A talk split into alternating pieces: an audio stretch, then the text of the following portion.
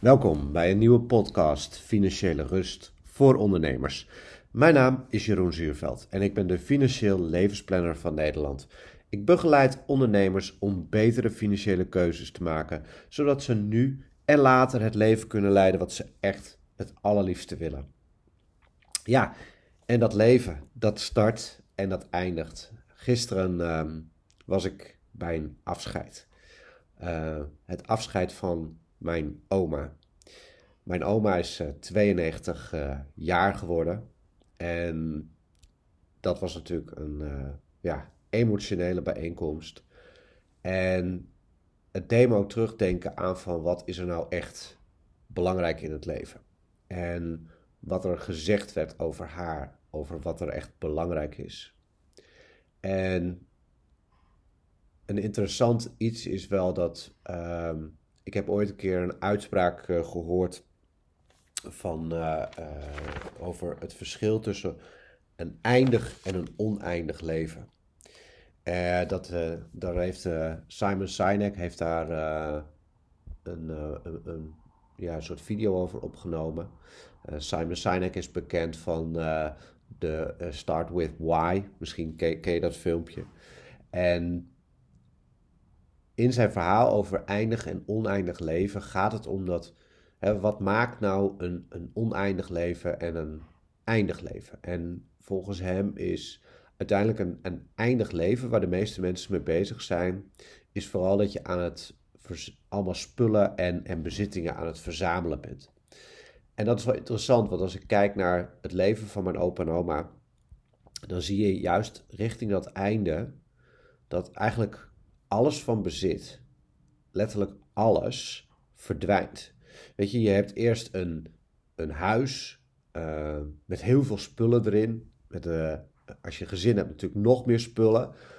En dan ga je op een gegeven moment, als je ouder wordt, ga je kleiner wonen. En dan gaan al een heel groot deel van die spullen weg. En uiteindelijk, wat in het geval van mijn oma was, want ze had dementie, is dan op een gegeven blik nou ja, dan hebben die spullen eigenlijk ook al bijna geen betekenis meer, want waarschijnlijk herken je ze al niet meer.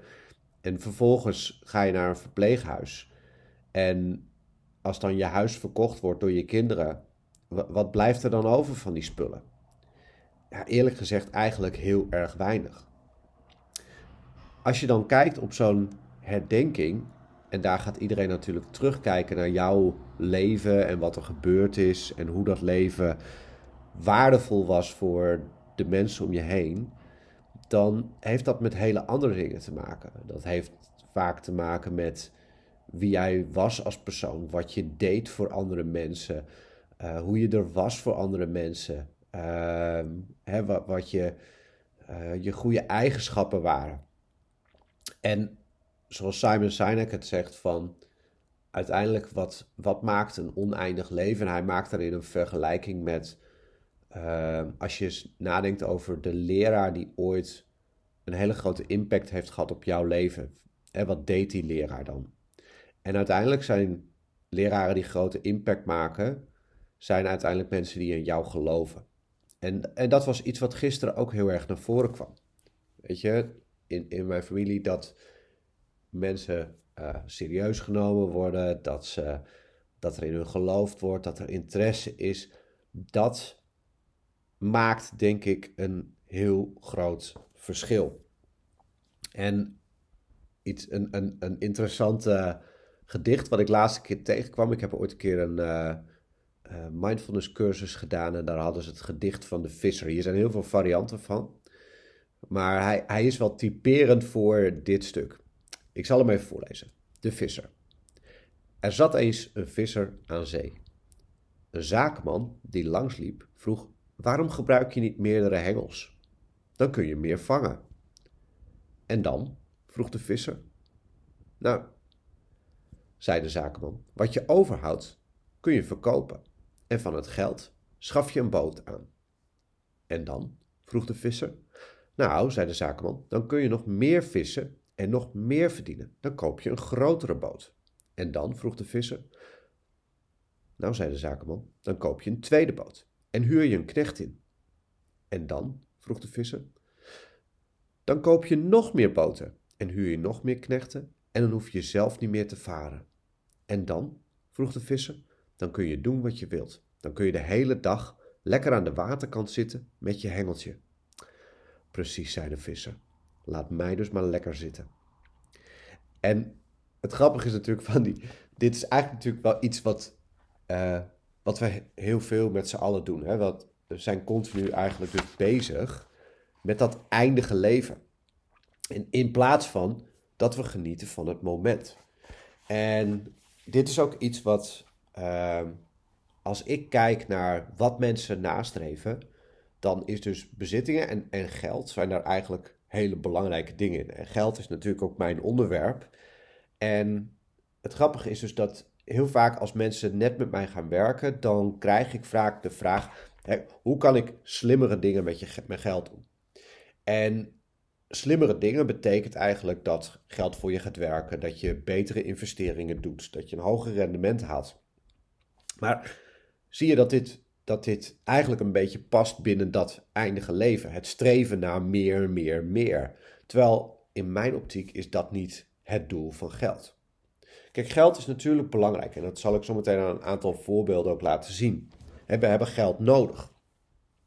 Um, want je, je, zonder geld uh, kan je niet zoveel. En het interessante van geld is natuurlijk ook dat als je kijkt naar hoe kom je aan geld? Nou, geld kom je aan door iets waardevols te doen voor iemand anders. Het is natuurlijk feitelijk gewoon een ruilmiddel. Dus hoe meer waardevol, hoe waardevoller jij bent voor, voor je klanten of voor anderen, uh, over het algemeen heeft dat ook een positieve impact op hoeveel geld je verdient. Uh, maar het punt is dus dat, dat ik denk dat wij op een verkeerde manier naar geld kijken. En hoe zou het dan anders kunnen? Hè? Want ik krijg wel eens bijvoorbeeld uh, klanten bij me, als ik dan echt ga vragen van, goh, wat, wat wil je nou in het leven? Um, er zijn best wel heel veel mensen happy over wat ze doen. Maar ik kom ook heel vaak tegen bij stellen dat een van beide of beide toch eigenlijk wel een ander leven wil. En waarbij we soms uit de rat race willen stappen. Waarbij we bijvoorbeeld meer tijd willen hebben voor onze kinderen of kleinkinderen. Waarbij we misschien wel eens een tijd in het buitenland willen wonen.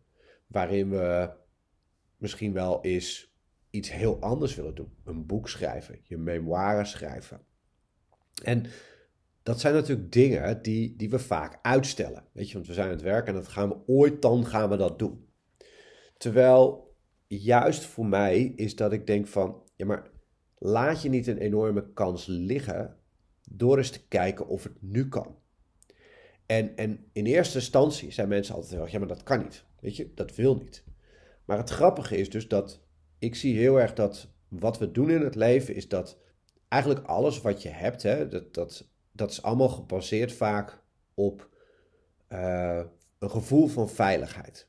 alles wat er is, of dat nou fijn is of niet fijn is, maar toch is het veilig. Weet je, als je een werkplek hebt waar je je niet happy voelt, blijven toch heel vaak mensen, omdat het een soort van vertrouwd is. En de vraag is maar net, ja, hoe groen is het gras werkelijk aan de overkant? En dat is natuurlijk eigenlijk wel grappig, want als kind, uh, tenminste, ik had heel erg het gevoel dat ik alles kon kiezen wat ik wilde. Maar ook daarin worden we misschien natuurlijk al wel enigszins gestuurd hè? Door, door je opvoeding en, en waar je vandaan komt en wat goed is en wat niet goed is. Maar de vraag is natuurlijk, wat wil jij echt? En ook daarbij dan de vraag van, ja, maar hoe realistisch is dat leven dan? Hè, want we hebben nou eenmaal geld nodig. Als we allemaal niets zouden gaan doen, ja, dan komt het natuurlijk niet echt goed, zeg maar. Hè? Want dan zijn we niet waardevol voor anderen. En dan staat er geen vergoeding tegenover. Dus dan hebben we natuurlijk een minder fijn leven misschien wel dan dat we gewoon door blijven gaan met wat we doen. Nou, een interessant verhaal is, ik had een, een, een klant en die uh, was eigenlijk in de transitie om kunstenaar te worden. En ze had meerdere bedrijven. Uh, en uiteindelijk is nu het proces om die bedrijven te verkopen en dat zij artiest worden. En dan denk je misschien, ja, weet je, een artiest, wat verdient die nou? Weet je, en, en, en hoe, hoe kan dat dan?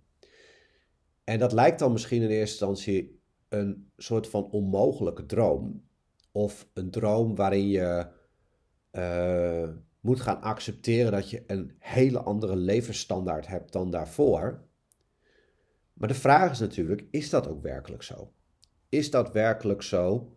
Of kan je daarin ook een manier vinden die voor jou werkt? En dit is voor mij, ik vind dit altijd de meest interessante vraag. Want in eerste instantie is er dan vaak een soort van ongeloof. Ja, maar weet je, dit kan niet. Maar dit, dat ongeloof komt dus heel erg voort uit, uit de zekerheden die we hebben. Of dat die nu plezierig zijn of niet. Vanuit daar redeneren we vaak. En ik maak wel eens de vergelijking dat eigenlijk wat we doen is, is we zitten allemaal op een soort van tanker. En we zijn de haven uitgevaren. En uh, nou, we hebben eigenlijk geen idee waar we naartoe gaan. Uh, maar we hopen dat we maar op een mooi eiland terechtkomen. Alleen, misschien zoals je weet, de meeste tankers eindigen altijd op een lelijk vervuild strand waar ze uit elkaar gesloopt worden. Dat is dus niet de plek waar je terecht wil komen. En je hebt natuurlijk die uitspraak van, hè, if you fail to plan, you plan to fail. En, en dat is feitelijk, denk ik, wat we veel te weinig doen in het leven. Dat we nadenken over, oké, stel nou eens dat ik artiest word. Stel dat ik een jaar vrij wil nemen om met mijn gezin te reizen. Of dat ik een aantal maanden wil nemen om mijn memoires te schrijven. Of dat ik meer tijd heb voor de dingen die ik belangrijk vind. Hoe zou dat leven eruit zien? En vervolgens dan eens gaan kijken: oké, maar hoe kan geld mij daarbij ondersteunen? En dat is volgens mij het doel van geld. Omdat je dan dus kan gaan nadenken van, nou oké, stel dat ik uh, echt een volledig ander beroep ga kiezen. Hoe kan ik er dan toch voor zorgen dat er voldoende geld binnenkomt, zodat ik eigenlijk de levensstijl die ik graag zou willen, kan voortzetten? En, en daarin zijn vaak veel meer mogelijkheden dan mensen vaak denken. En die mogelijkheden die kunnen eigenlijk alleen maar ontstaan op het moment dat je dit werkelijk als een optie gaat zien. Dat je werkelijk deze stap durft te gaan zetten.